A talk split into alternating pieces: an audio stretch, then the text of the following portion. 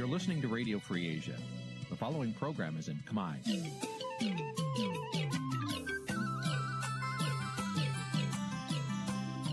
នេះជាកម្មវិធីផ្សាយ Vuthu Azizi Serai នេះជាកម្មវិធីផ្សាយរបស់ Vuthu Azizi Serai ជាភាសាខ្មែរ Vuthu Azizi Serai សូមស្វាគមន៍លោកអ្នកនាងទាំងអស់ពីរដ្ឋធានី Washington នៃសហរដ្ឋអាមេរិក។បាទ ពីរដ្ឋធានីវ៉ាស៊ីនតោនខ្ញុំបាទសេកបណ្ឌិតសូមជម្រាបសួរអស់លោកអ្នកកញ្ញាទាំងអស់ជាទីមេត្រីបាទយើងខ្ញុំសូមជូនកម្មវិធីផ្សាយសម្រាប់រាត្រីថ្ងៃប្រហោះមួយកើតខែអាសត់ឆ្នាំឆ្លូវត្រីស័កពុទ្ធសករាជ2565បាទត្រូវនឹងថ្ងៃទី7ខែតុលាគ្រិស្តសករាជ2021បាទជាដំបូងនេះសូមអញ្ជើញអស់លោកអ្នកនាងស្ដាប់ព័ត៌មានប្រចាំថ្ងៃដែលមានមេតិការដូចតទៅ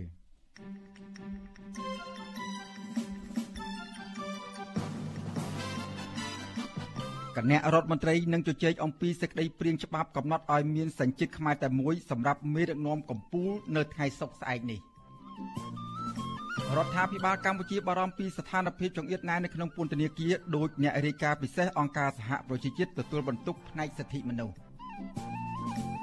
ក្រមគ្រួសារយុវជនខ្មែរថាវរៈបារម្ភអំពីស្ថានភាពសុខភាពកញ្ញាអេងម៉ាឡៃក្នុងពន្ធនាគារកាន់តែមានសភាពទ្រុឌទ្រោមខ្លាំង។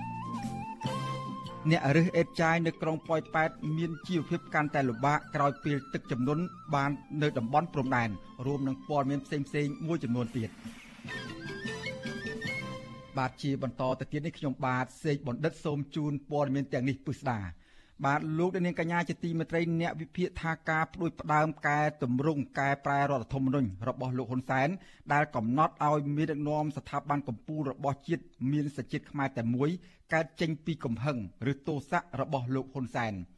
បាទការរិះគន់នេះគណៈទីស្តីការគណៈរដ្ឋមន្ត្រីនឹងចាប់ផ្ដើមជជែកអំពីសេចក្តីព្រាងច្បាប់ស្តីពី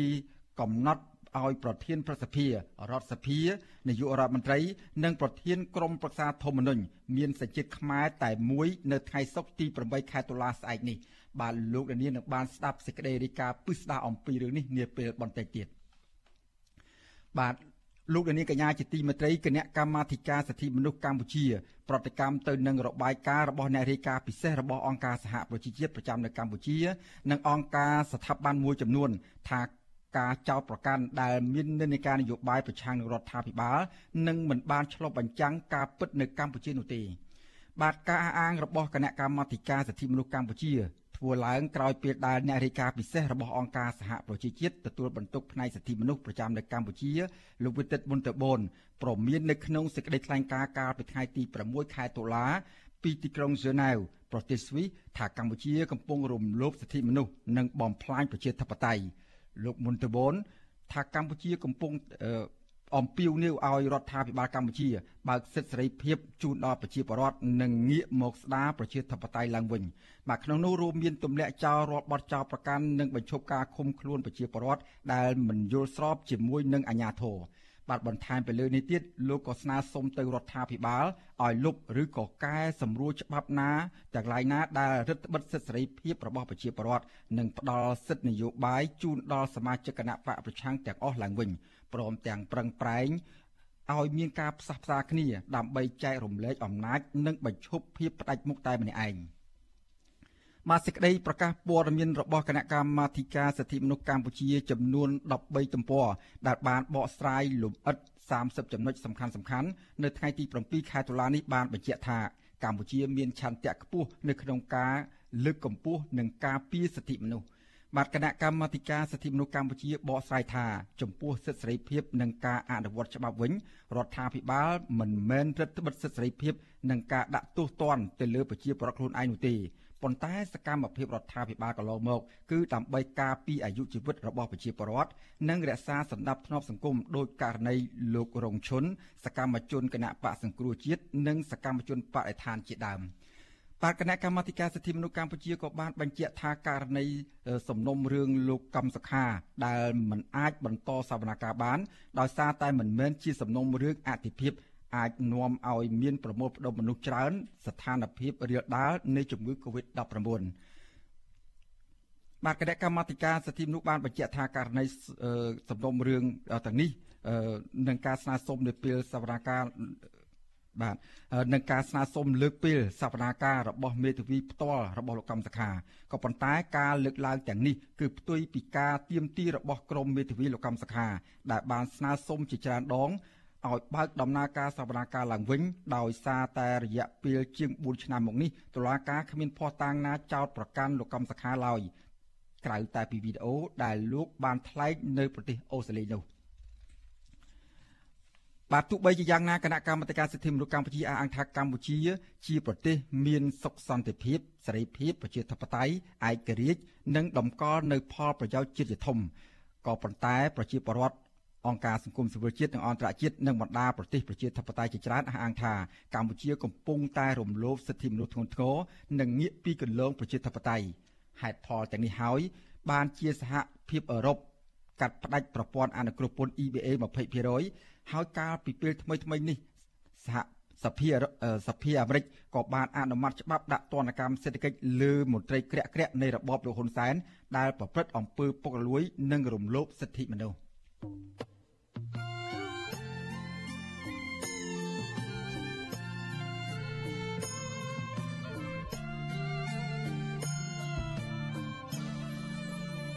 បាទលោកនាងកញ្ញាជាទីមេត្រីនៅពេលនេះលោកនាងកំពុងតាមដានស្ដាប់ការផ្សាយរបស់វិទ្យុអស៊ីសេរីពីរដ្ឋធានី Washington សហរដ្ឋអាមេរិកបាទនៅពេលដំណើរគ្នានេះដែរលោកនាងក៏អាចស្ដាប់ការផ្សាយវិទ្យុអស៊ីសេរីដំណើរគ្នានឹងការផ្សាយលើបណ្ដាញសង្គម Facebook និង YouTube តាមរយៈរលកធារកាសខ្លីឬ Shortwave តាមកម្រិតនិងកម្ពស់ដូចតទៅនេះ បាទនៅពេលព្រឹកចាប់ពីម៉ោង5កន្លះដល់ម៉ោង6កន្លះតាមរយៈរលកធារកាសខ្លី13715 kHz ស្មើនឹងកម្ពស់ 22m បាទចំណែកនៅពេលយប់វិញគឺចាប់ពីម៉ោង7កន្លះដល់ម៉ោង8កន្លះតាមរយៈរលកធារកាសខ្លី9990 kHz ស្មើនឹងកម្ពស់ 30m និង11240 kHz ស្មើនឹងកម្ពស់ 25m បាទសូមអរគុណ thank you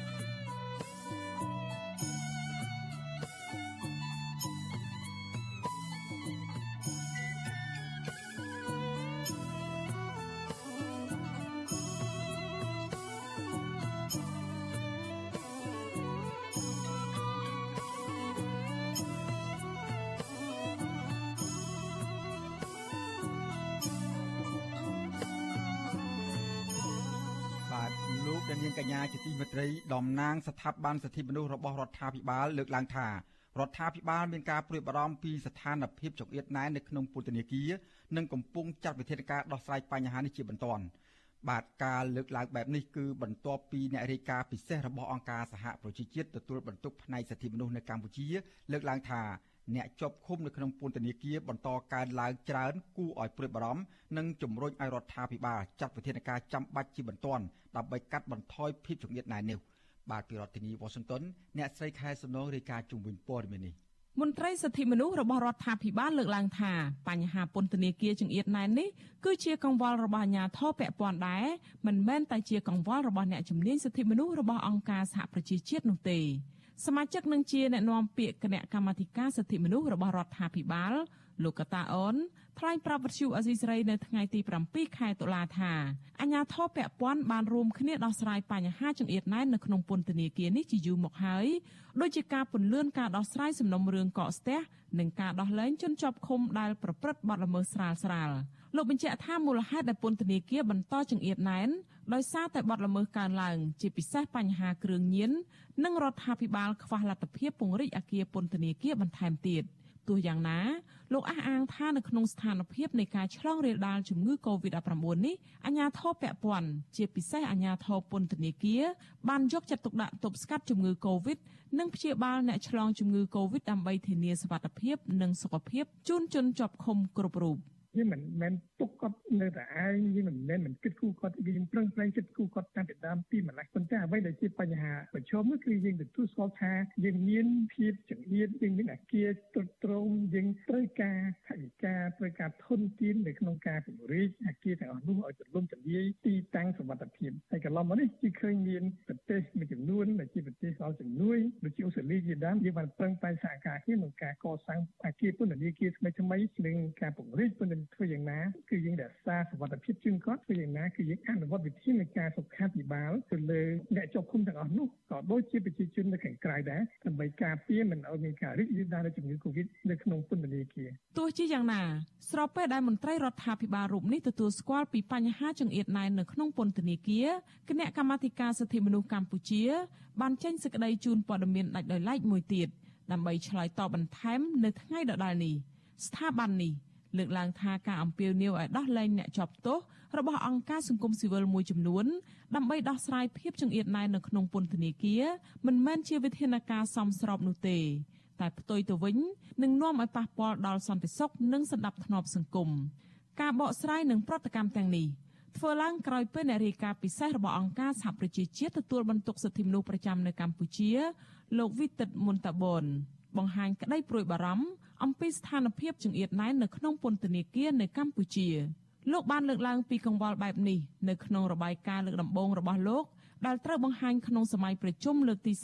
48នៃក្រុមប្រឹក្សាសិទ្ធិមនុស្សអង្គការសហប្រជាជាតិកាលពីថ្ងៃទី6ខែតុលាលោកពិនិត្យឃើញថាស្ថានភាពជនជាប់ឃុំនៅក្នុងពន្ធនាគារកើនឡើងច្រើនជាបន្តបន្ទាប់គួរឲ្យព្រួយបារម្ភជាពិសេស ក្នុងពេលឆ្លងរាតត្បាតជំងឺ Covid-19 នេះលោកបន្តថាពន្ធនាគារនៅកម្ពុជាបច្ចុប្បន្ននេះកំពុងផ្ទុកអ្នកជាប់ឃុំលើសរហូតដល់300%ដែលមិនអាចឲ្យពួកគេរក្សាគម្លាតសុវត្ថិភាពបានអ្នករាយការណ៍ពិសេសរូបនេះរំលឹកថាក្នុងសារលិខិតមួយច្បាប់កាលពីខែធ្នូឆ្នាំ2020អ្នករាយការណ៍ពិសេសលើកមុន និងអ្នករាយការណ៍ពិសេសម្នាក់ទៀតក៏បានបង្ហាញកង្វល់ចំពោះកង្វះខាតនៃការធ្វើតេស្តនានាពាក់ព័ន្ធទៅនឹងជំងឺ Covid-19 សម្រាប់អ្នកជាប់ឃុំ ហើយនឹងហានិភ័យផ្សេងផ្សេងនៃការឆ្លងជំងឺនេះនៅក្នុងពន្ធនាគារព្រមទាំងភាពចង្អៀតណែនខ្លាំងក្រៅពីនេះក៏មានដែរសេចក្តីថ្លែងការណ៍ស្តីពីនីតិវិធីពិសេសមួយចំនួនដែលអំពាវនាវឲ្យមានការធ្វើតេស្តជាចាំបាច់លើអ្នកនៅក្នុងពន្ធនាគារដើម្បីបង្ការការរីករាលដាលជំងឺ Covid-19 ក្រោយមកទៀតនៅថ្ងៃទី27ខែឧសភា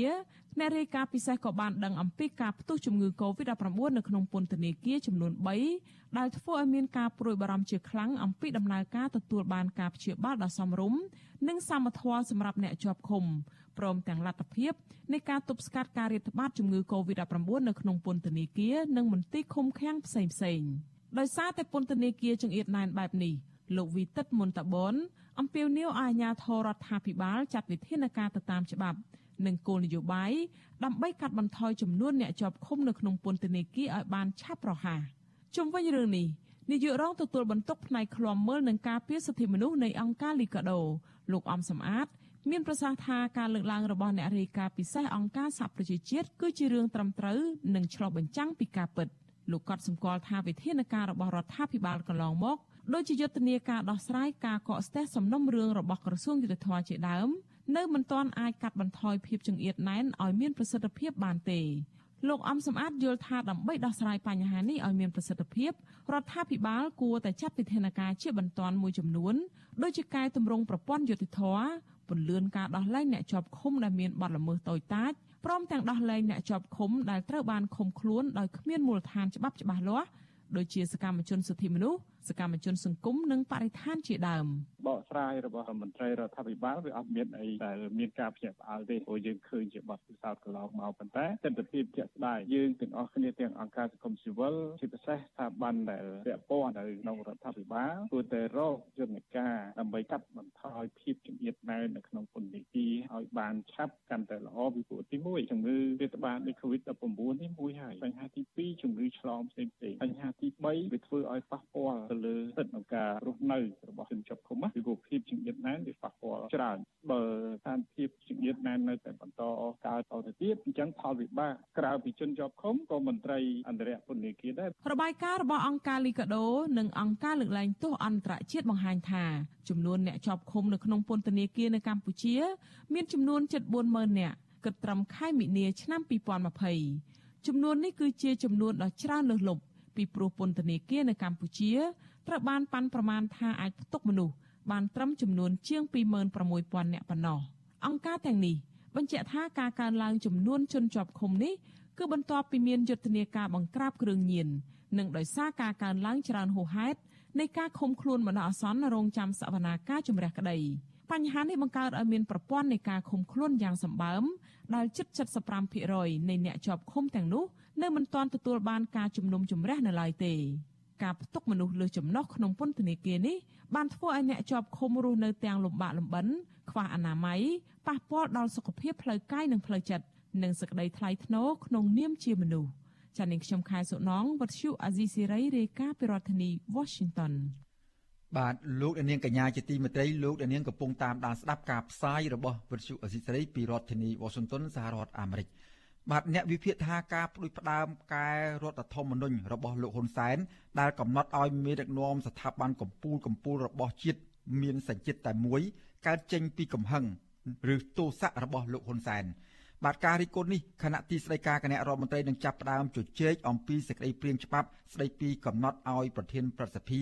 រដ្ឋសភានាយករដ្ឋមន្ត្រី និងប្រធានក្រុមប្រឹក្សាធម្មនុញ្ញមានសញ្ជាតិខ្មែរតែមួយនៅថ្ងៃសុក្រទី8ខែតុលាស្អែកនេះបាទពីរដ្ឋធានីវ៉ាស៊ីនតោនអ្នកស្រីសុជីវីរាយការណ៍ជុំវិញរឿងនេះអ្នកវិភាគពលរដ្ឋនិងសកម្មជនគណបកប្រឆាំងលើកឡើងស្រដៀងគ្នាថាការកែរដ្ឋធម្មនុញ្ញកំណត់សញ្ជាតិមេដឹកនាំស្ថាប័នកម្ពុជារបស់ជាតិ ដែលរដ្ឋាភិបាលកំពុងធ្វើយ៉ាងតក់ក្រហល់នេះមិនអាចคล้ายជាច្បាប់ល្អនោះឡើយពួកគេក៏មិនរំពឹងថាការអនុវត្តច្បាប់នេះមានប្រសិទ្ធភាពនោះដែរពលរដ្ឋរស់នៅខេត្តជាប់មាត់សមុទ្រម្នាក់លោកសុនសុផាត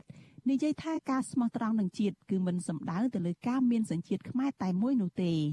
លោកថាការកែច្បាប់កំណត់សញ្ជាតិខ្មែរតែមួយសម្រាប់មេដឹកនាំស្ថាប័នកម្ពុជារបស់ជាតិបរដ្ឋាភិបាលចង់ធ្វើ មិនពិបាកនោះទេព្រោះសពថ្ងៃប្រទេសកម្ពុជាកំពុងដឹកនាំដោយគណៈបកនយោបាយតែមួយតាមខ្ញុំយល់ថាអារឿងស្មោះត្រង់មិនស្មោះត្រង់វាមិនសំខាន់ទេឬមានសញ្ជាតិពីរក្នុងការគាត់មិនសំខាន់លើសញ្ជាតិទេឲ្យតែគាត់ថាគាត់ស្មោះត្រង់ទៅអឺនេះហើយគាត់ធ្វើការបម្រើជាតិបានហើយហើយទោះបីអាគាត់មានសញ្ជាតិតែមួយដែរបើគាត់មិនស្មោះត្រង់គាត់ក៏មិនបម្រើជាតិបានដែរស្រដៀងគ្នានេះដែរសកម្មជនគណៈបកសង្គ្រោះជាតិនៅប្រទេសជប៉ុនលោកហៃម៉ាណាយល់ថា បើលោកហ៊ុនសែនមានស្មារតីជាតិនិយមមែនគឺត្រូវកំណត់ចាប់ពីមេភូមិឡើងទៅត្រូវមានសញ្ជាតិខ្មែរតែមួយទោះជាបែបនេះក្តីលោកថារឿងកែច្បាប់កំណត់សញ្ជាតិនៅពេលនេះគ្រាន់តែជាល្បែងនយោបាយរបស់លោកហ៊ុនសែនលោកថាទោះច្បាប់នេះចេញជាធរមានក្តីប៉ុន្តែគ្មានប្រសិទ្ធភាពដែរព្រោះប្រទេសកម្ពុជាគ្មានស្ថាប័នឯករាជ្យចុះស្រាវជ្រាវថាមេដឹកនាំណាខ្លះមានសញ្ជាតិប៉ុន្មាននោះទេ ចឹងទោះបីជាគាត់បង្កើតច្បាប់ប្រមាណនោះទៀតហើយគាត់ប្រកាសថាគាត់មានសញ្ជាតិតែមួយព័ត៌មានពិតគាត់មានសញ្ជាតិពីរក៏យើងមិនអាចទៅធ្វើអីពួកគាត់កើតដែរជាពិសេសគឺស្ថាប័ន ACU តែម្ដងបើសិនជាយើងនិយាយលេបខែទៅហ៊ុនសែនគឺយើងចង់ឲ្យមានប៉ុន្តែបើទោះបីជាមានក៏វាមិនអាចយកមកប្រើការកើតដែរគឺព្រោះអ្វីអ្វីដែលអាចដែលកើតឡើងនៅក្នុងរបបរាល់ថ្ងៃហ្នឹងវាគ្រាន់តែជាបៃលុកបៃលោទាំងអស់ប្រតិកម្មរបស់ពលរដ្ឋនេះគឺក្រោយពេលលោកហ៊ុនសែនប្រញាប់បញ្ជាឲ្យកែច្បាប់កំណត់ឲ្យប្រធានព្រឹទ្ធសភាប្រធានរដ្ឋសភានាយករដ្ឋមន្ត្រីនិងប្រធានក្រុមប្រឹក្សាធម្មនុញ្ញមានសញ្ជាតិខ្មែរតែមួយដែលជាការឆ្លើយតបនឹងលោកសំរងស៊ីប្រធានស្ដីទីគណៈបកសង្គ្រោះជាតិអ្នកវិភាគនយោបាយលោកបណ្ឌិតឡាវម៉ុងហៃសង្កេតឃើញថាលោកនាយករដ្ឋមន្ត្រីហ៊ុនសែនចង់សម្ដៅទៅលើលោកសំរងស៊ីដោយមិនចង់ឲ្យលោកសំរងស៊ីអាចធ្វើជានាយករដ្ឋមន្ត្រីប៉ុន្តែលោកថា ស្ថានភាពសពថ្ងៃនេះទោះបីជាគ្មានច្បាប់ថ្មីនេះក៏ដោយក៏លោកសំរងស៊ី មិនអាចធ្វើនាយករដ្ឋមន្ត្រីបានដែរពីព្រោះមេដឹកនាំបកប្រឆាំងរូបនេះជាប់ទោសយ៉ាងច្រើន ដែលអាចឲ្យជាប់ពន្ធនាគារមិនក្រោម30ឆ្នាំនោះទេអ្នកវិភាគនយោបាយជើងចាស់រូបនេះរិះគន់ថា ផែនការកែច្បាប់ពេលនេះជានិមិត្តរូបនៃកំហឹងរបស់លោកហ៊ុនសែន បើសិនជាដែលវិធានការនេះសំដៅទៅរកដែលការទប់ស្កាត់កម្លាំងទីឡើងគឺនាយករដ្ឋមន្ត្រីបាទមិនចាំបាច់ធ្វើទេទាន់នេះអត់មានដែលគិតចុះឈ្មោះដែលបោះចោលទេដែលដូច្នេះគឺគាត់អត់ដែលមានអីទៅធ្វើដែលនាយករដ្ឋមន្ត្រីបានទេបណ្ឌិតឡាវបង្ហាញរំលឹកថាស្មារតីនៃច្បាប់ជាសេចក្តីសម្ដែងឆន្ទៈនៃប្រជាជាតិទាំងមូលហើយច្បាប់ដែលល្អ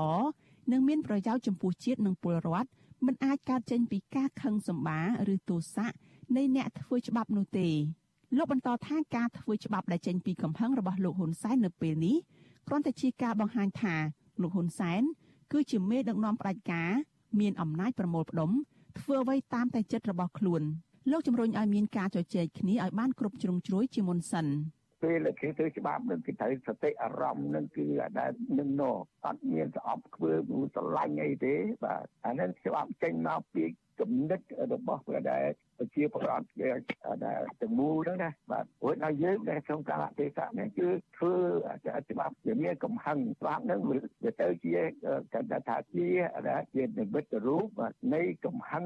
ណាឬទូស័កគណៈរដ្ឋមន្ត្រីនឹងបើកកិច្ចប្រជុំនៅថ្ងៃសុក្រទី8ខែតុលាខាងមុខ ដោយគ្រូនឹងជជែកអំពីសេចក្តីព្រាងច្បាប់រដ្ឋធម្មនុញ្ញវិសោធនកម្មមាត្រា19ថ្មី មាត្រា82ថ្មី មាត្រា106ថ្មីមួយមាត្រា119ថ្មីនិងមាត្រា137ថ្មីនៃរដ្ឋធម្មនុញ្ញនិងមាត្រា3នៃច្បាប់ធម្មនុញ្ញបន្ថែមសម្ដៅធានានៅដំណើរការជាប្រក្រតីនៃស្ថាប័នជាតិវិទ្យុអាស៊ីសេរីនៅមិនទាន់អាចសុំការបញ្ជាក់បន្ថែមពីមន្ត្រីអ្នកណែនាំពាក្យរដ្ឋាភិបាលលោកផៃស៊ីផានបានទេ នៅថ្ងៃទី7ខែតុលា ទោះបីជាយ៉ាងណាអ្នកនាំពាក្យគណៈបកប្រជាជនកម្ពុជាលោកឈឹមផលវរុនឲ្យវិទ្យុអាស៊ីសេរីដឹងថាសេចក្តីព្រាងច្បាប់រដ្ឋធម្មនុញ្ញនេះគឺពាក់ព័ន្ធនឹងការកំណត់ឲ្យមេដឹកនាំកម្ពុជានៃស្ថាប័នរបស់ជាតិមានសញ្ជាតិខ្មែរតែមួយ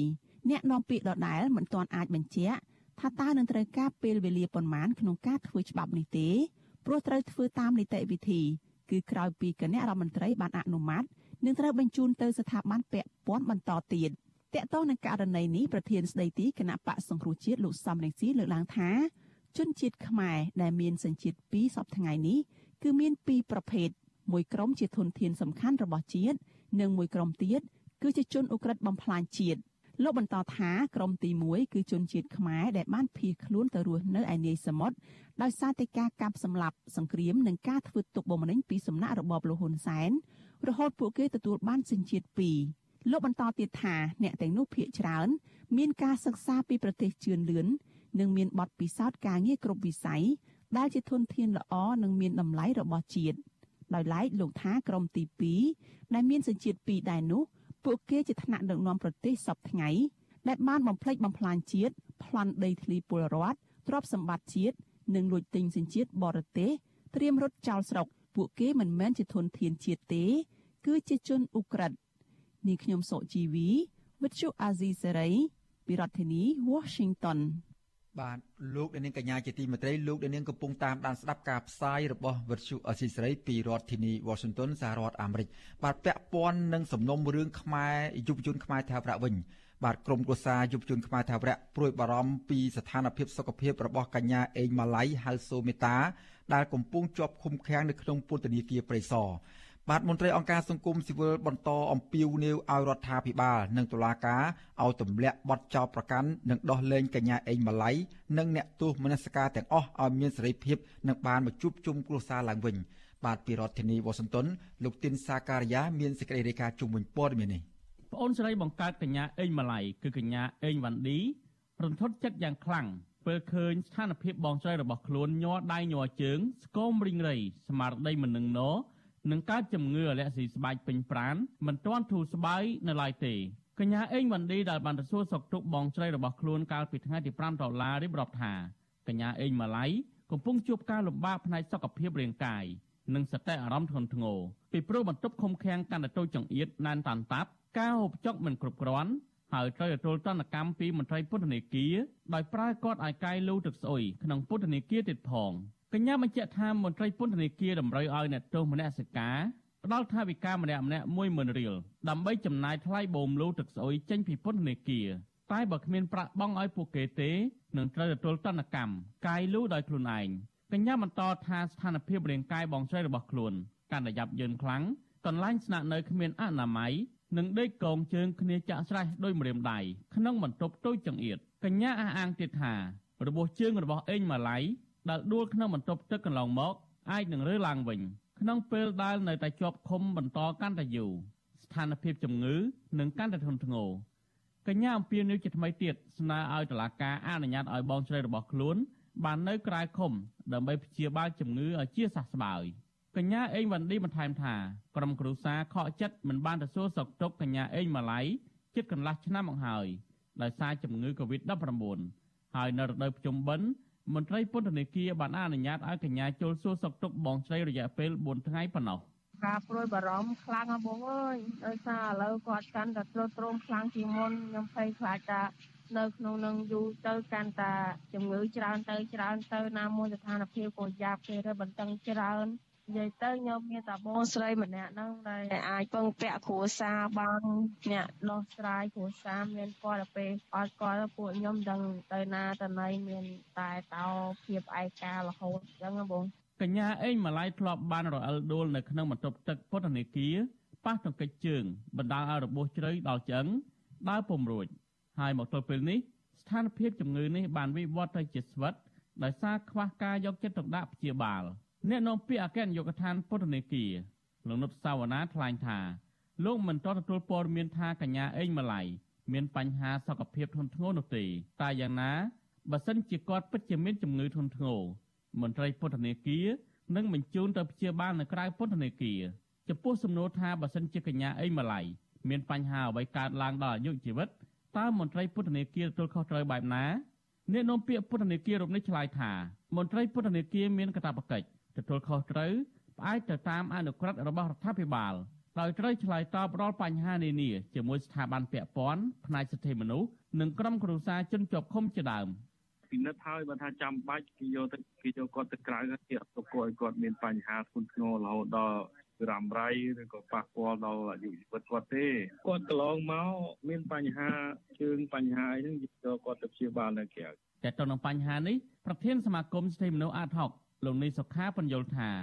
អ្នកជាប់ឃុំគ្រប់រូបមានសិទ្ធិពេញលេញទទួលបានការថែទាំសុខភាពស្របតាមគោលការណ៍សិទ្ធិមនុស្សហេតុនេះ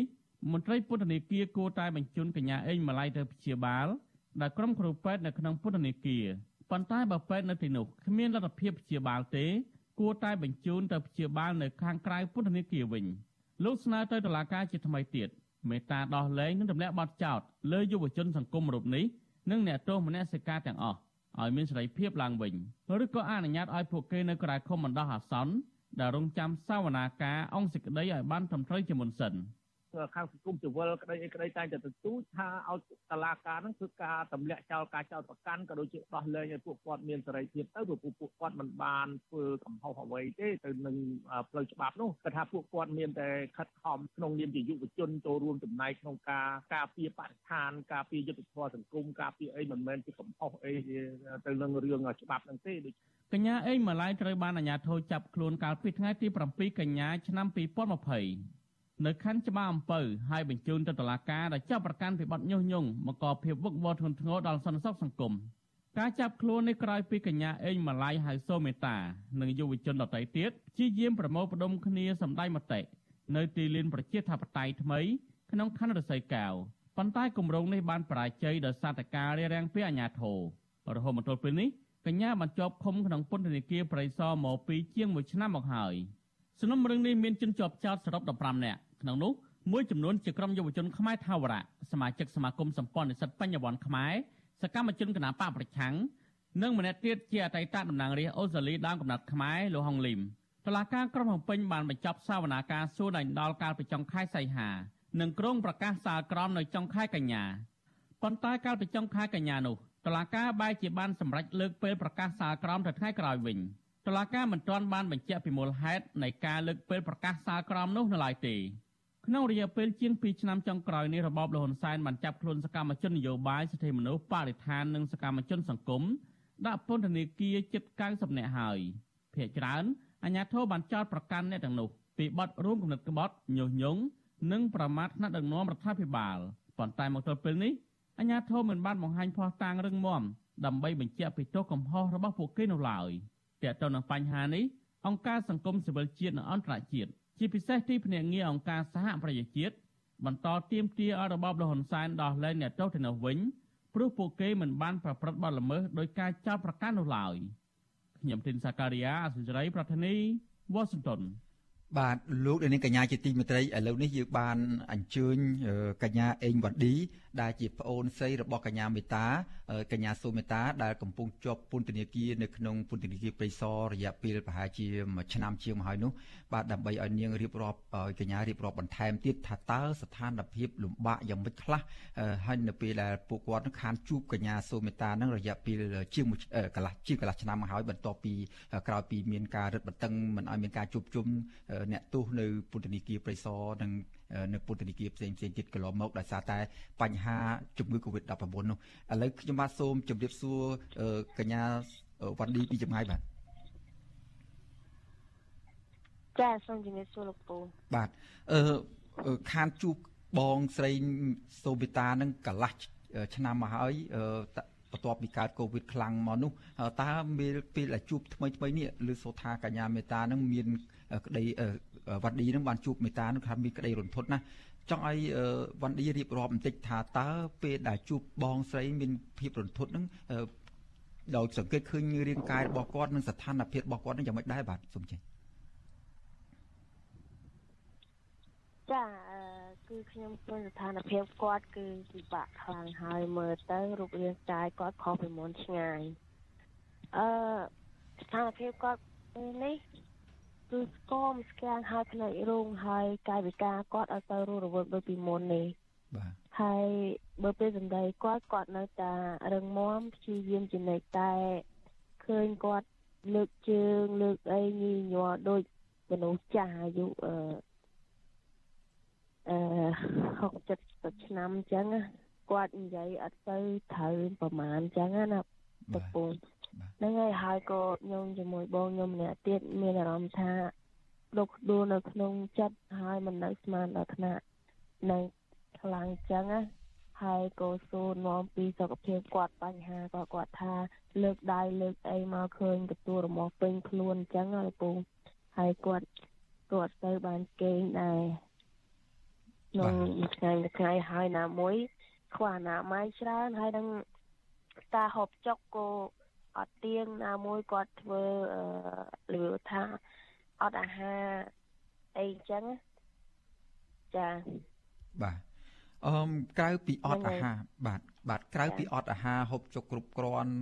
ដោយសេចក្តីរាយការណ៍របស់លោកទីនសាការីយ៉ាអំបញ្ញមិញនេះក៏បានបញ្ជាក់ថានៅក្នុងពន្ធនាគារនោះចង្អៀតណែន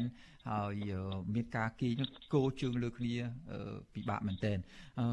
ទន្ទឹមនឹងបញ្ហាអស់ទាំងនេះអាការញ័រដៃយ័រជើងទិដ្ឋថាមានស្មារតីមិននឹងណោមើលទៅលំបាកមែនទែនយ៉ាងដូចនេះហ្នឹងគឺថាវាមានមកពីបញ្ហាអ្វីផ្សេងដែរដែរទៀតទេបាទអឺមើលស្ថានភាព ខ្ញុំជួបគាត់ប្រហែលថ្ងៃទី5ហ្នឹងគឺជួបអត់បានយូរត្រឹមតែ10នាទីអីហ្នឹងហើយក៏ខ្ញុំអត់បានភាសាជាមួយគ្នាអីច្រើនណាស់ណាដែរគាត់គ្រាន់ថាអឺនៅក្នុងហ្នឹងមានការរឹតបន្តឹងហើយសកម្មភាពដែលគាត់ចង់បង្ហាញឬមួយតវ៉ាអីហ្នឹងក៏មិនអាចដែរហើយការនិយាយទៅការរស់នៅគាត់និងការហូបចុកគឺ នឹងធ្លាក់ដល់សូន្យហ្មងរបៀបថាมันមានភាពស្អាតបន្ទប់ទឹកកន្លែងគេងអត់មានអនាម័យអត់មានធំទលាដូចយើងហើយណាមួយអឺគាត់មិនសូវបានជាមួយទឹកសម្អាតកាយសម្អាតអីផងហើយបាទអឺបន្ទប់គ្មាន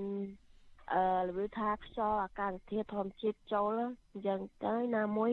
យើងគិតច្រើន stress ហើយយើងអត់មានអីត្រូវមើលត្រូវអីអញ្ចឹងគឺ stress ហើយគាត់គិតច្រើនមែនតើមនុស្សគាត់គិតច្រើនដល់ពេលអញ្ចឹងធ្វើឲ្យស្មារតីគាត់រូបរាងកាយគាត់បាក់ទៅតាមនឹងហើយបញ្ហាមួយទៀតនោះគឺការហូបចុកដូចខ្ញុំនិយាយដែរដែរអញ្ចឹងហើយនឹងរបៀបថាគាត់ធ្វើពលិកម្មអត់អាហារគាត់ថាគាត់ធ្វើរហូតដល់គាត់ ចេញពីក្នុងពន្ធនាគារគ្រាន់ថាបើថ្ងៃណាដែលគេធ្វើខួបមនុស្សដែលសំខាន់ឬមួយក៏បនជាតិបនអីលើកស្ទួយវប្បធម៌ឬមួយក៏បនអ្វីសំខាន់សំខាន់បានគាត់អត់ហូបបាយសោះហូបតែទឹកឬផ្លែឈើចំការណាគាត់ហូបផ្លែឈើហូបតែទឹកតែហ្មងហើយចំការណាទៀតគាត់ហូបអីសោះហ្មងក្នុងមួយថ្ងៃបាទតែបើសិនជាមួយថ្ងៃគាត់ហូបមកពេលតែ តគាត់ចេញមកវិញចេញពីពន្ធនាគារវិញបាទគាត់ហូបដូចយើងធម្មតាគាត់ប្រាប់ថាអញ្ចឹងបាទអឺមេតាមានប្រាប់វ៉ាន់ឌីថា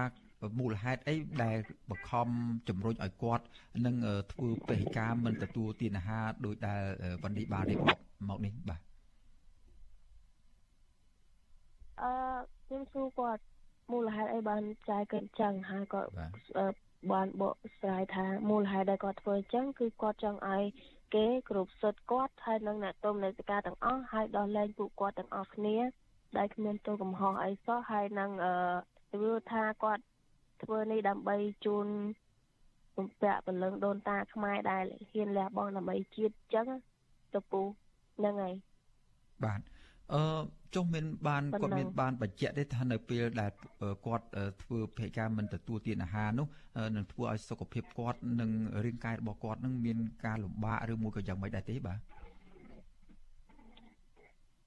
អឺហ្នឹងហើយខ្ញុំបានសួរគាត់ថាមិនសួរគឺខ្ញុំចង់ប្រាប់ថាចាឯងហូបទៅបើសិនជាអត់ហូបទេណាមួយនៅក្នុងពន្ធនាគារអញ្ចឹងផងបើចាឯងអត់មើលថាសុខភាពខ្លួនឯងទៀត កាន់តែពិបាករួចឆ្នាំខ្ញុំទិញរហូតមិនអត់តិចតិចទេហើយលុយក៏ខ្ញុំផ្ញើអីវ៉ាន់អីផ្លែឈើអីមួយខែអីខ្ញុំផ្ញើ5ដងឬ6ដងហើយគាត់ថាអឺអត់ចង់ខ្វល់អត់សំខាន់ឬការសុខភាពវាសំខាន់តែសំខាន់គឺរឿងអឺលើថាអ្វីដែលប្រទេសជាតិធ្លាក់ហើយឬមួយគឺឆន្ទៈគាត់នៅតែមានគាត់នឹងធ្វើរហូត ចឹងណាបាទគឺសំខាន់ទៅលើអ្នកហ្នឹងហើយបាទអរគុណច្រើនងាកមកបញ្ហាអាឡែស៊ីលើស្បែករបស់មេតាវិញលឺសួរថាមានកទួលលមាស់កើតអីច្រើនលើស្បែកនោះស្ថានភាពនេះវាធ្ងន់ធ្ងរប៉ុណ្ណាដែរវ៉ាន់ឌីអាចរៀបរាប់បានទេបាទអឺចាធម្មតាទៅអឺការគាត់នៅខាងក្រៅហ្នឹងស្ថានភាពគាត់គឺយ៉ាប់ហើយ ព្រោះអីជំងឺគាត់មិនតិចឆ្នាំចូល10ឆ្នាំហើយ10ឆ្នាំជាងហើយដល់ពេលគាត់ចូលទៅក្នុងនោះទៀតវាមានអឺវាថាមនុស្សធម្មតាអត់មានជំងឺសោះចូលទៅមានការលមាស់មានការអីទៅមកដល់គាត់ទៀតគាត់របៀបថានិយាយទៅរូបរាងគាត់បើមើលមែនតើគឺពិបាកមើលខ្លាំងមែនតើគឺពិបាកមើលបើសិនជាគេឲ្យថតបានខ្ញុំអាចថតចេញមកក្រៅឲ្យមើលទៀតកុំឲ្យថាខ្ញុំថាចេះតែនិយាយ គាត់របៀបថាកទួលហើយបើបើសិនជាគាត់ហ៊ានអេះខ្លាំងវានឹងលបោហើយចេញពងទឹករបៀបក្រហមហើយទៅអុចអុចខ្មៅអញ្ចឹងលោកពូហ្នឹងហើយហើយពេលខ្លះតែយើងអេះហ្នឹងវារាដើរដល់កន្លែងផ្សេងផ្សេងទៀតចឹងបាទហើយប៉ាឌីមានបានទៅពេលតជក់នេះបានយកថ្នាំលាបថ្នាំលាបរមាស់នោះឬក៏ថ្នាំសម្រាប់សើស្បែកស៊ីស្បែកជូនគាត់បានខ្លះទេបាទនៅក្នុងឱកាសជួបគ្នានោះ ដូចជាបានដែរមានបងបងគាត់ផ្ញើមកផ្ញើអីឲ្យគាត់ដែរពេលខ្លះឆ្នាំគាត់លេបអត់ត្រូវឬមួយក៏គាត់ធ្វើទុកលើដើមអញ្ចឹងគាត់យកឲ្យវិញបាទមានឆ្នាំមានអីខ្ញុំទិញឲ្យរហូតដែរបាទអឺបញ្ហាមួយទៀតកាលពីលើកមុននោះយើងបានទទួលដំណឹងថា កញ្ញាសូមេតានឹងដួលនៅបន្ទប់ទឹកហើយមានរបួសធ្ងន់ធ្ងរណាស់កាលនោះមានសេចក្តីរាយការណ៍ពីពន្ធនាគារមកជាបន្តបន្ទាប់មកបន្ទាប់ពីនេះតើស្នាមរបួសចាស់ក្រោយពីគាត់ទៅដួលនៅបន្ទប់ទឹកនឹងហើយមកដល់ពេលនេះតើរបួសនេះវាបានធូរស្បើយវិញឬមួយក៏នៅតែរើមកវិញនៅឈឺចុកចាប់នៅដដែលទេឬមួយក៏យ៉ាងម៉េចដែរវ៉ាន់ឌីចាពេលខ្ញុំទៅនោះគាត់បានបញ្ជាក់ខ្ញុំ ឃើញគាត់លើកជើងឲ្យមើលគាត់ថាឥឡូវហ្នឹងជើងគាត់កាន់តែឈឺទៅឈឺទៅទៀតហើយតែអត់ដឹងថាមូលហេតុអីទេគាត់គិតថាដល់ពេលមុនដំបូងលមលមដល់ពេលគាត់អេសអេសទៅលឺថាคลายទៅคลายទៅគឺថាចង់ទៅវ៉ៅម្ដងទៀតមិនហើយគាត់ដើរទៅកាន់តែឈឺចុកចាប់អញ្ចឹងបាទចាបាទអឺបញ្បញ្ហាមួយទៀត ចង់ជម្រាបសួរទៅវ៉ាន់ឌីដែរតកតូននឹងស្ថានភាពគ្រួសារដូចយើងដឹងហើយកញ្ញាសូមេតានធ្លាប់តែជាជនបង្គោលសមាជិកសំខាន់នៅក្នុងគ្រួសារក្នុងការរកចំណូលជួយផ្គត់ផ្គង់គ្រួសារអញ្ចឹងនៅពេលដែលគាត់ជាប់ពន្ធនាគាររយៈពេលជាង1ឆ្នាំកន្លងមកនេះ គាត់បាត់បង់មិនបានជួយក្រុមគ្រួសារហើយក្រុមគ្រួសារទៀតសោតក៏មានបញ្ហាលំបាកស្រាប់ទៅហើយមិនជាអ្នកមានបានទេបានជាអ្នកមានបានប្រមាណនោះទេក្នុងស្ថានភាពជាងមួយឆ្នាំមកនេះនៅពេលដែលបាត់ឬក៏អវត្តមានកញ្ញាសូវិតាសូមេតានេះតើស្ថានភាពគ្រួសារនឹងជួបការលំបាកយ៉ាងម៉េចខ្លះតែខណៈដែលបាត់បង់ប្រាក់ចំណូលហើយត្រូវរកប្រាក់រកពេលវេលាមកមើលមកផ្ដល់ជូនអ្នកជាប់នៅឃុំនៅក្នុងពន្ធនាគារថែមទៀតផងនោះបាទ គឺនិយាយទៅមួយឆ្នាំជាងមកនេះគឺគ្រួសារខ្ញុំធ្លាក់ខ្លាំងហើយជាការបំណុលគេច្រើនទៀតហើយណាមួយគាត់នៅក្នុងនោះជាពាក់គេចូល5 600ទៀតមិន5 6ចូលជាង700ហីខ្ញុំទៅពេលអញ្ចឹងខ្ញុំដឹងដោះមួយណាណាមួយថ្លៃមើលជំងឺគាត់គាត់តិផងអង្គការផងហើយនឹងគាត់នៅក្នុងនឹងទៀតហើយគ្រួសារខ្ញុំកាន់តែធ្លាក់មែនតើណាគឺថាកម្រិតនឹងនិយាយហៅលែងលឺហើយ គឺថាគាត់ជាបុគ្គលមួយដែលសំខាន់ហើយដល់ពេលគាត់មានបញ្ហាអញ្ចឹងគឺអ្វីអ្វីស្ទើរតែបាត់បង់ទាំងអស់ហើយណាមួយខ្ញុំទើបតែចេញពីស្រុកទៅធំតន់បានបានផងអត់តន់ចេះអីផងដល់ពេលគាត់មានបញ្ហាចឹងទៀតទៅវាថាវឹកវរនៅក្នុងគ្រួសារដោះបញ្ហាមួយទៅបញ្ហាមួយចឹងធ្វើឲ្យពួកខ្ញុំហ្នឹងអត់មានភាពរឹងមាំឬមួយក៏ទទួលយកអារម្មណ៍នឹងអត់បានហើយមាន ការយុត្តិធម៌យ៉ាងខ្លាំងចំពោះក្រុមគ្រួសារខ្ញុំហើយនៅយុវជនទាំងអស់គ្នាហើយខ្លួនគាត់ផ្ទាល់អញ្ចឹងបាទបាទជាចុងក្រោយនេះពាក់ព័ន្ធនឹងស្ថានភាពសុខភាព និងជំងឺរបស់កញ្ញាសូមេតាតើក្រមគ្រួសារអឺជាពិសេសវ៉ាឌីផ្ទាល់តែម្ដង អាចនឹងពិភាក្សាជាមួយនឹង មេធាវីហើយឬមួយក៏ពិភាក្សាជាមួយនឹងអង្គការសង្គមស៊ីវិលទាំងឡាយដែលពាក់ព័ន្ធនឹងខ្លំមើលរឿងនេះនឹងអាចស្នើសុំទៅខាងពុទ្ធនីគារដើម្បីយកមេត្តាមកព្យាបាលនៅខាងក្រៅបានទេនៅពេលដែលពួកគាត់ដូចដូចមេត្តាដូចមានជំងឺច្រើនមុខច្រើនបែបយ៉ាងដូចនេះបាទអឺខ្ញុំបើសិនជាអាចខ្ញុំនឹងភាសាជាមួយគាត់ហើយក៏ខ្ញុំសូមស្នើសុំឲ្យពួកគាត់ បញ្ជូនគាត់មកបន្ទីពេទ្យជាបន្ទាន់អឺណាមួយគាត់នៅច្រើនជំងឺច្រើនហើយនិយាយទៅអឺស្ថានភាពគាត់ពេលនេះគឺពិបាកនិយាយពិបាកនិយាយថាទាំងតាងើបមកឡើងរួចព្រោះអីគាត់មានអាការៈទ្រុឌទ្រោមខ្លាំងមែនតើពីមួយថ្ងៃទៅមួយថ្ងៃអញ្ចឹងណាពង ហើយក៏ខ្ញុំចង់ស្នើសុំឲ្យខាងមន្ត្រីពន្ធនាគារបញ្ជូនគាត់មកបន្ទីបើឬមួយក៏ឲ្យពួកគាត់នៅក្រៅឃុំព្យាបាល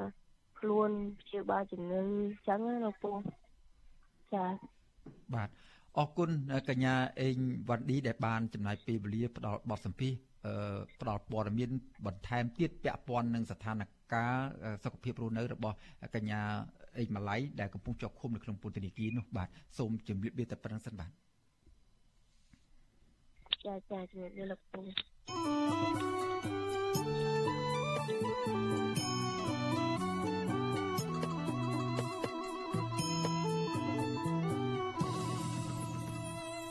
បាទលោកនាងកញ្ញាជាទីមេត្រីចំណែកនៅឯខាងប៉ោយប៉ែតឯនៅវិញបាទប្រជាពលរដ្ឋមួយចំនួននៅក្រុងប៉ោយប៉ែតខេត្តបន្ទាយមានជ័យមានជីវភាពកាន់តែលំបាកក្រោយពេលដែលអាជ្ញាធរកម្ពុជានិងថៃបិទច្រកព្រំដែនប្រទេសទាំងពីរអស់រយៈពេល7ឆ្នាំកន្លងមកនេះ បាទស្ថានភាពបែបនេះធ្វើឲ្យប្រជាពលរដ្ឋខ្លះអត់ការងារធ្វើហើយនាំគ្នាងាកមករឹសដើរមករៀប នាំគ្នាងាកមករឹសអេតចាយរកប្រាក់ដោះស្រាយជីវភាពប្រចាំថ្ងៃ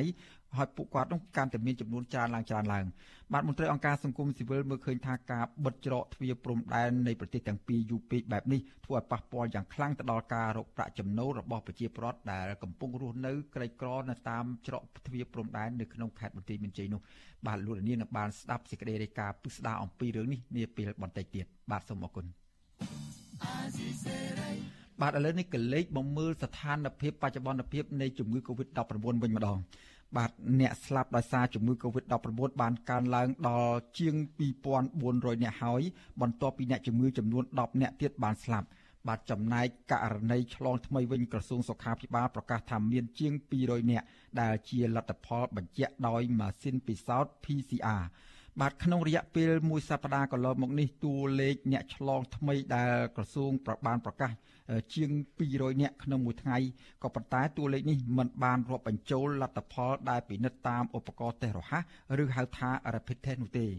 បាទតួលេខឆ្លងជាក់ស្ដែងអាចមានចំនួនលើសពីនេះពីព្រោះអំឡុងពេលប្រជុំបិណ្ឌប្រហែលថ្ងៃនេះប្រជាពលរដ្ឋបានជួបជុំគ្នាច្រើននិងខ្លះទៀតបាននាំគ្នាទៅកំសាន្តតាមទីរមណីយដ្ឋានផ្សេងផ្សេងដែលជាហេតុនាំឲ្យមានមនុស្សជាច្រើនកកកុញតាមតំបន់មួយចំនួន បាទគិតត្រឹមថ្ងៃគិតត្រឹមព្រឹកថ្ងៃទី7ខែតុលាកម្ពុជាមានអ្នកកើតជំងឺ Covid-19 ជាង110,000នាក់ក្នុងនោះអ្នកជាសះស្បើយមានជាង100,000នាក់បាទក្រសួងសុខាភិបាលប្រកាសថាគិតត្រឹមថ្ងៃទី6ខែតុលាម្សិលមិញនោះរដ្ឋាភិបាលចាក់វ៉ាក់សាំងជូនដល់ប្រជាពលរដ្ឋគ្រប់អាយុបានជិត10លាននាក់ហើយចំណែកកុមារនិងយុវជន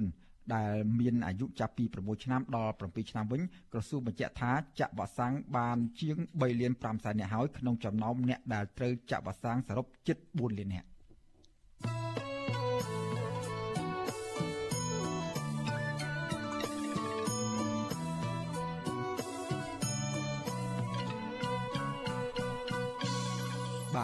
បាទលោកនាងកញ្ញាជាទីមេត្រីបាទពាក់ព័ន្ធនឹងស្ថានភាពជំងឺ Covid-19 នេះដែរអឺជាពិសេសស្ថានភាពជំងឺ Covid-19 បំលែងថ្មីប្រភេទ Delta កំពុងនៅក្នុងកំពុងកើតមាននៅក្នុងតំបន់អាស៊ាននិងពិភពលោកបានមិនទាន់បានថមថយនៅឡើយទេក៏ប៉ុន្តែនៅប្រទេសកម្ពុជាតួលេខអ្នកឆ្លងជំងឺនេះបានចុះយ៉ាង ចុះទៀបយ៉ាងកំហុកចាប់តាំងពីដើមខែតុលាមកនេះបាទគឺថាថយខ្លាំងតាំងពីក្រោយលោកនាយករដ្ឋមន្ត្រីហ៊ុនសែនបានប្រកាសឲ្យផ្អាកធ្វើតេស្តរហ័សឬហៅថាតេស្ត rapid test នោះបាទក្រោយពីតួលេខនេះធ្លាក់ចុះទៀបខ្លាំងនោះនឹងចំនួនអ្នកចាក់វ៉ាក់សាំងបានកើនឡើងជិត100%ហើយទើបប្រជាពលរដ្ឋចាប់ផ្ដើមពពាក់ពពូនគ្នាហើយលែងសូវខ្វល់ពីវិធានការបង្ការអស់ទាំងនេះ បាទតើប្រការទាំងនេះនឹងបង្កហានិភ័យអ្វីខ្លះដល់ជីវិតមនុស្សរស់នៅដែលនឹងបញ្ហាសេដ្ឋកិច្ចសង្គមដែលកំពុងតែប្រឈមនឹងស្ថានភាពជំងឺ Covid-19 ផងនោះបាទនៅពេលបន្តិចទៀតលោកដែលមានលោកដែលនឹងបានស្ដាប់បទសម្ភាសជាមួយអ្នកជំនាញសុខាភិបាលជុំវិញរឿងនេះដែលមានលោកមួងណារ៉េតជាអ្នកសម្របសម្រួលក៏ប៉ុន្តែមុនទាំងដល់បទសម្ភាសនោះខ្ញុំបាទសូមជួបលោកមួងណារ៉េតដើម្បីឲ្យលោកបានបញ្ជាក់លើរឿងនេះបន្តិចសិនបាទសូមជម្រាបសួរលោកណារ៉េតបាទ បាទសូមជម្រាបសួរលោកសេចបណ្ឌិតហើយសូមជម្រាបសួរលោកនាងដែលកំពុងតែតាមដានស្ដាប់និងទស្សនាការផ្សាយរបស់វិទ្យុអស៊ីសេរីទាំងអស់ជាទីមេត្រីបាទបាទលោកណារ៉េតនៅពេលដែលលោកបានមានឱកាសជួបសម្ភាសជាមួយនឹងអ្នកជំនាញវិទ្យាសាស្ត្រនៅពេលខាងមុខនេះតើលោកនឹងលើកយកជ្រុងណាមួយនឹងចំណុចអ្វីខ្លះដើម្បីមកបញ្ជាក់ជូនលោកនាងពាក់ព័ន្ធនឹងស្ថានភាពជំងឺ Covid-19 នាពេលដំណាក់កាលចុងក្រោយនេះបាទ បាទអរគុណនៅរាត្រីនេះគឺចាប់ពីម៉ោង8កន្លះដល់ម៉ោង9នេះគឺយើងនឹងផ្ដោតខ្លាំងទៅលើប្រធានបទនៃចំនួនថយចុះនៃ សេចក្តីរាយការណ៍នៃអ្នកជំងឺ Covid-19 ថាតើការឆ្លងហ្នឹងគឺវាថយចុះអញ្ចឹងមែនឬក៏ថយចុះដោយសារតែសេចក្តីរាយការណ៍ជាពិសេសយើងពិនិត្យមើលថាតើផលវិបាកនៃការឈប់ធ្វើតេស្តរហ័សហ្នឹងវានឹងមានអ្វីខ្លះហើយមួយទៀតហ្នឹងថាតើការដែលប្រជាពលរដ្ឋបានទទួលវ៉ាក់សាំងស្ទើរតែគ្រប់គ្នាទៅហើយស្ទើរតែ100%ហើយហ្នឹងឥឡូវនេះចាប់ផ្ដើមអឺ មិនខ្វល់ខ្វាយអីច្រើនទេប្រពាក់ប្រពូនគ្នាអឺដូចធម្មតាមិនពាក់ម៉ាស់មិនរក្សាកម្រិតហ្នឹងតើវានឹងមានផលវិបាកអីដែរទេហើយមួយទៀតហ្នឹងថាតើព័ត៌មានដែលប្រជាពលរដ្ឋទទួលបានហ្នឹងត្រឹមត្រូវគ្រប់គ្រាន់សម្រាប់ការយកទៅពិចារណានៅក្នុងការសម្រេចនៅក្នុងការប្រកបរបរជីវភាពប្រចាំថ្ងៃក្នុងរដូវកូវីដហ្នឹងដែរឬក៏យ៉ាងណានឹងចុងក្រោយនិយាយអំពីដំបូន្មានរបស់អ្នកវិទ្យាសាស្ត្រថាតើនៅក្នុងពេលដែលមេរោគបំផ្លាញថ្មីកំពុងតែវាយលុកនៅតំបន់និងពិភពលោកយ៉ាងសន្ធាប់បែបនេះតើយើងគួរតែត្រៀមខ្លួននឹងបង្ការបែបណាដើម្បីឲ្យមានសុវត្ថិភាពទាំងអស់គ្នានោះបាទនេះគឺជាអ្វីដែលនឹងបានលើពីអ្នកវិទ្យាសាស្ត្រនៅក្រោយការផ្សាយនេះបន្តិចគឺចាប់ពីម៉ោង8កន្លះទៅបាទ បាទស្ដាប់មើលទៅចំណុចដែលលោកដារ៉េតបំរុងនឹងលើកយកមកជម្រាបជូនលោកអ្នកស្ដាប់នៅពេលបន្តិចនេះគួរឲ្យចាប់អារម្មណ៍ណាស់អញ្ចឹងសូមលោកអ្នកនាងរងចាំស្ដាប់បទសម្ភាសន៍របស់លោកមូដារ៉េតជាមួយនឹងអ្នកជំនាញវិទ្យាសាស្ត្រជុំវិញរឿងនេះនាពេលបន្តិចទៀតនេះកុំបីខានបាទឥឡូវសូមជម្រាបលាលោកអ្នករ៉េតតែប៉ុណ្្នេះសិនបាទបាទអរគុណ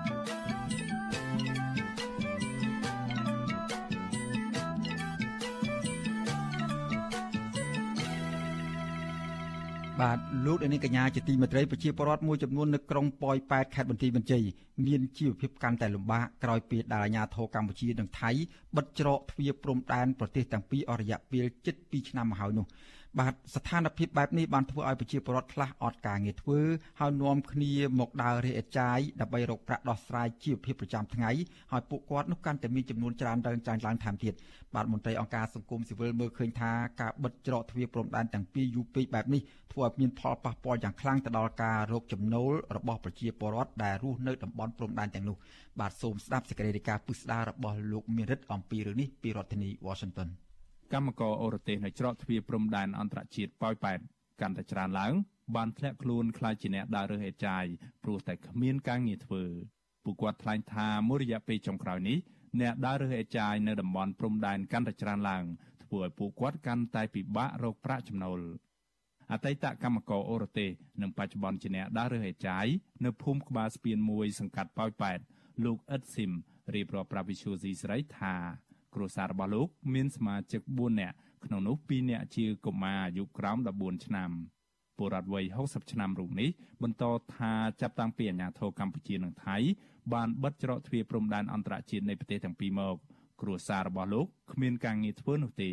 ហើយលោកងាកមកដើររើសអេចាយរកប្រាក់ចំណូលចិញ្ចឹមគ្រួសារវិញលោកនិយាយថាពីមួយថ្ងៃទៅមួយថ្ងៃស្ថានភាពជីវភាពគ្រួសាររបស់លោកកាន់តែលំបាកវេទនា ព្រោះលោកដើររើសអេតចាយម្នាក់ឯងបានប្រាក់ប្រមាណពី6000ទៅ10000រៀលក្នុងមួយថ្ងៃគឺស្ទើរតែមិនគ្រប់សម្រាប់ទិញអង្ករច្រកឆ្នាំងក៏មានលោកបញ្ជាក់ថាជីវភាពគ្រួសាររបស់លោកកាន់តែលំបាកខ្លាំងចាប់ពីខែកញ្ញារហូតមកព្រោះទឹកចំនួនលិចលង់ក្រុងប៉ោយប៉ែតធ្វើឲ្យលោកពិបាកដើររើសអេតចាយលោកបន្តថាអំឡុងពេលនេះថ្ងៃខ្លះលោករកប្រាក់ចំណូលបានក្រោម4000រៀលក្នុងមួយថ្ងៃក៏មានដែរ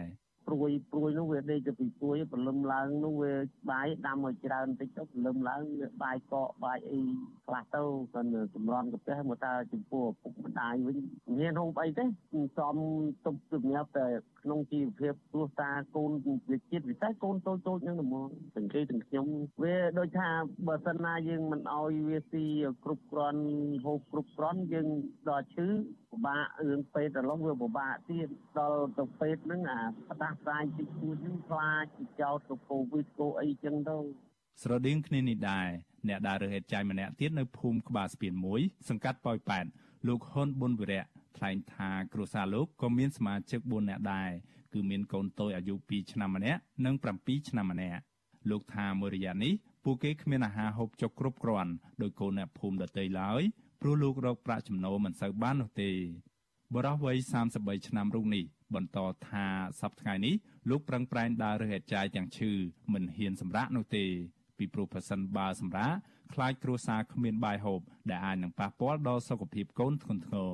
ហើយយើងឈឺផងអាតែលមាស់ដៃលមាស់ជើងហ្នឹងដេកមិនលក់ទេនិយាយទៅរាល់ថ្ងៃខ្ញុំសឹងថាចង់មានបញ្ហារឿងការដេកហ្នឹងខ្ញុំពិបាកចិត្តខ្លាំងហ្មងវាពិបាកដេកដូចយើងដេកអត់បានលក់អត់ស្កប់ដេកដេកទៅវាលមាស់ឈឺដៃឈឺជើងទៅភ្ញាក់មកផ្លែតមកផ្លែតអញ្ចឹងហើយណាមួយយើងយើងគិតច្រើនផងយើងគិតច្រើនណាវាពិបាករស់នៅពិបាករពិបាកអីចឹងទៅយើងកាលយើងអត់មានលុយចឹងទៅមកចឹងទៅព្រលឹមហើយយើងលក់អស់ហើយព្រោះអីយើងត្រូវការលុយទិញអីហូបរាល់ថ្ងៃទៅកន្លែងណាខ្លះទៅយើងសកប់ពេករោងតូបគេខ្លះចឹងទៅហើយយើងដើររតទៀតទៅបើយើងអត់រកគឺយើងអត់មានអីសោះហ្មង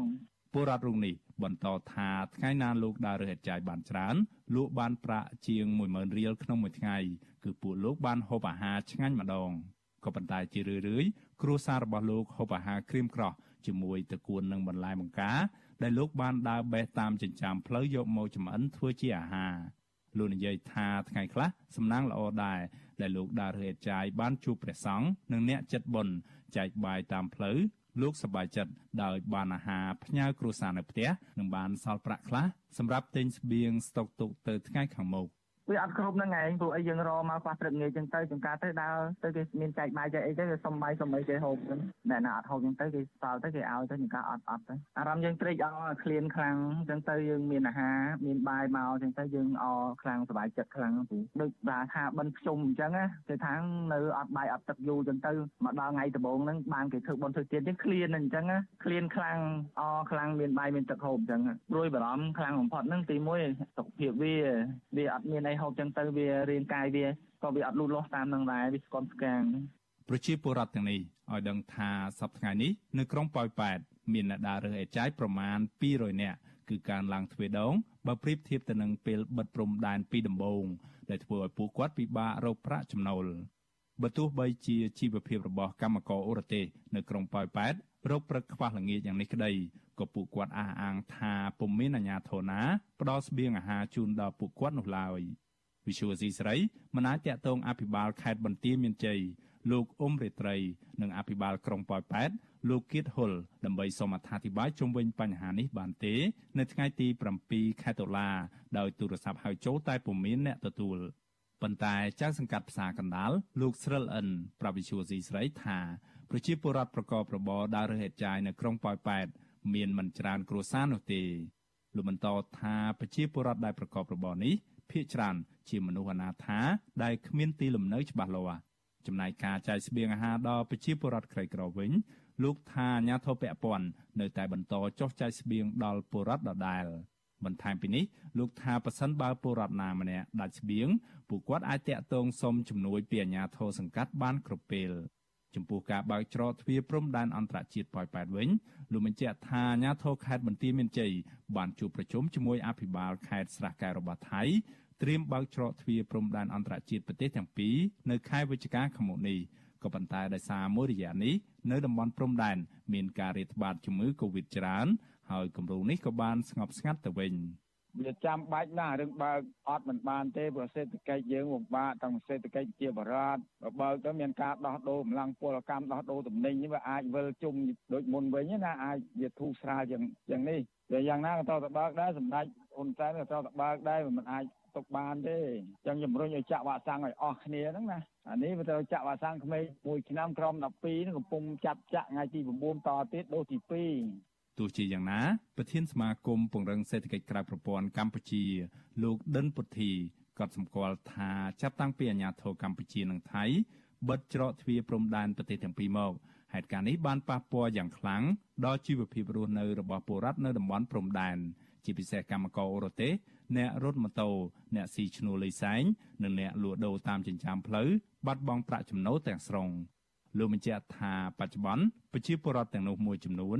បាននាំគ្នាដើររើសអេតចាយលក់រកប្រាក់ចិញ្ចឹមជីវិតហើយមួយចំនួនទៀតធ្វើចំណាក់ស្រុកជាពិសេសកម្មករឧបប្រទេសហ្នឹងដែលមករើសអេតចាយហ្នឹងគឺគាត់អត់ដែលបានទទួលថវិកាឧបត្ថម្ភពីរដ្ឋាភិបាលអីគាត់ភាគច្រើនគឺអត់បានទទួលទេអញ្ចឹងមិនដឹងថាដោះស្រាយបញ្ហានឹងតាមរបៀបណាទេបើសិនជាយន្តការនៃការបើកច្រកក៏អត់មានស្វែងរកការងារធ្វើណាបង្កើតការងារឲ្យប្រជាពលរដ្ឋធ្វើនៅក្នុងស្រុកក៏មិនមានហើយ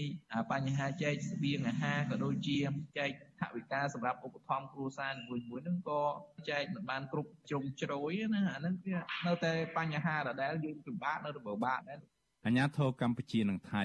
បានបិទច្រកទ្វារព្រំដែននៃប្រទេសទាំងពីរកាលពីខែមីនាឆ្នាំ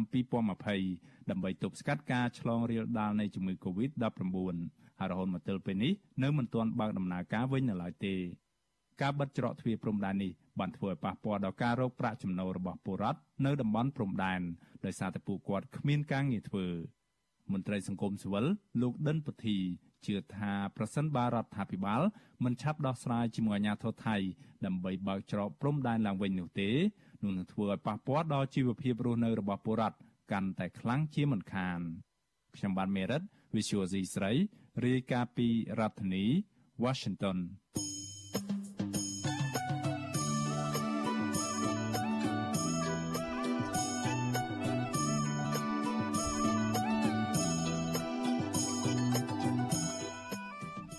បាទលោកនាងកញ្ញាជាទីមេត្រីលោកនាងកំពុងតាមដានស្ដាប់ការផ្សាយរបស់វិទ្យុអេស៊ីសរ៉ៃពីរដ្ឋធានីវ៉ាស៊ីនតោនសហរដ្ឋអាមេរិកបាទក្រៅពីការតាមដានស្ដាប់កម្មវិធីផ្សាយរបស់វិទ្យុអេស៊ីសរ៉ៃតាមបណ្ដាញសង្គម Facebook និង YouTube និង Telegram លោកនាងក៏អាចតាមដានស្ដាប់ការផ្សាយរបស់យើងខ្ញុំតាមរយៈបណ្ដាញសង្គម Instagram របស់វិទ្យុអេស៊ីសរ៉ៃតាមរយៈតំណភ្ជាប់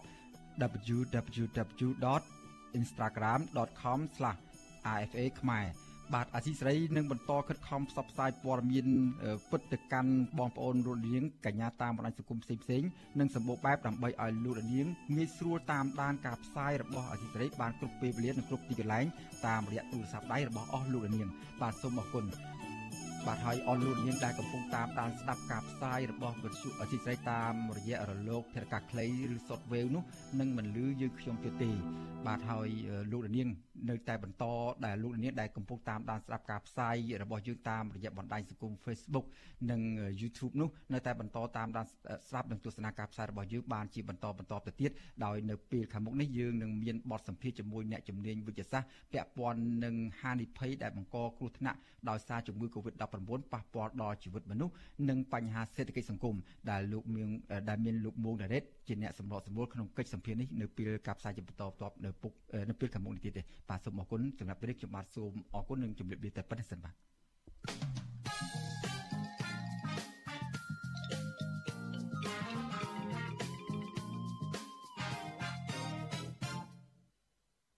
បាទផ្សាយផ្ទាល់ពីរដ្ឋធានី Washington ខ្ញុំបាទមួងណារ៉េតសូមជម្រាបសួរលោកនាងដែលកំពុងតាមដានស្ដាប់និងទស្សនាការផ្សាយរបស់ Vuthu Azisery សម្រាប់រយៈពេល30នាទីបន្តទៅទៀតនេះនៅក្នុងរយៈពេលបន្តទៅទៀតនេះគឺយើងមានប្រធានបទសំខាន់មួយតកតងនឹងការវិវត្តថ្មីថ្មីចុងក្រោយនៃស្ថានភាពជំងឺ Covid-19 ជាពិសេសតកតងនឹងការធ្វើតេស្តរហ័សដែលរដ្ឋាភិបាលបានផ្អាកទៅហើយនោះស្ថានភាពជំងឺ Covid-19 ដែលរាយការណ៍នោះហាក់បីដូចជាចុះខ្លាំងមែនតើហើយតែវ៉ាក់សាំងក៏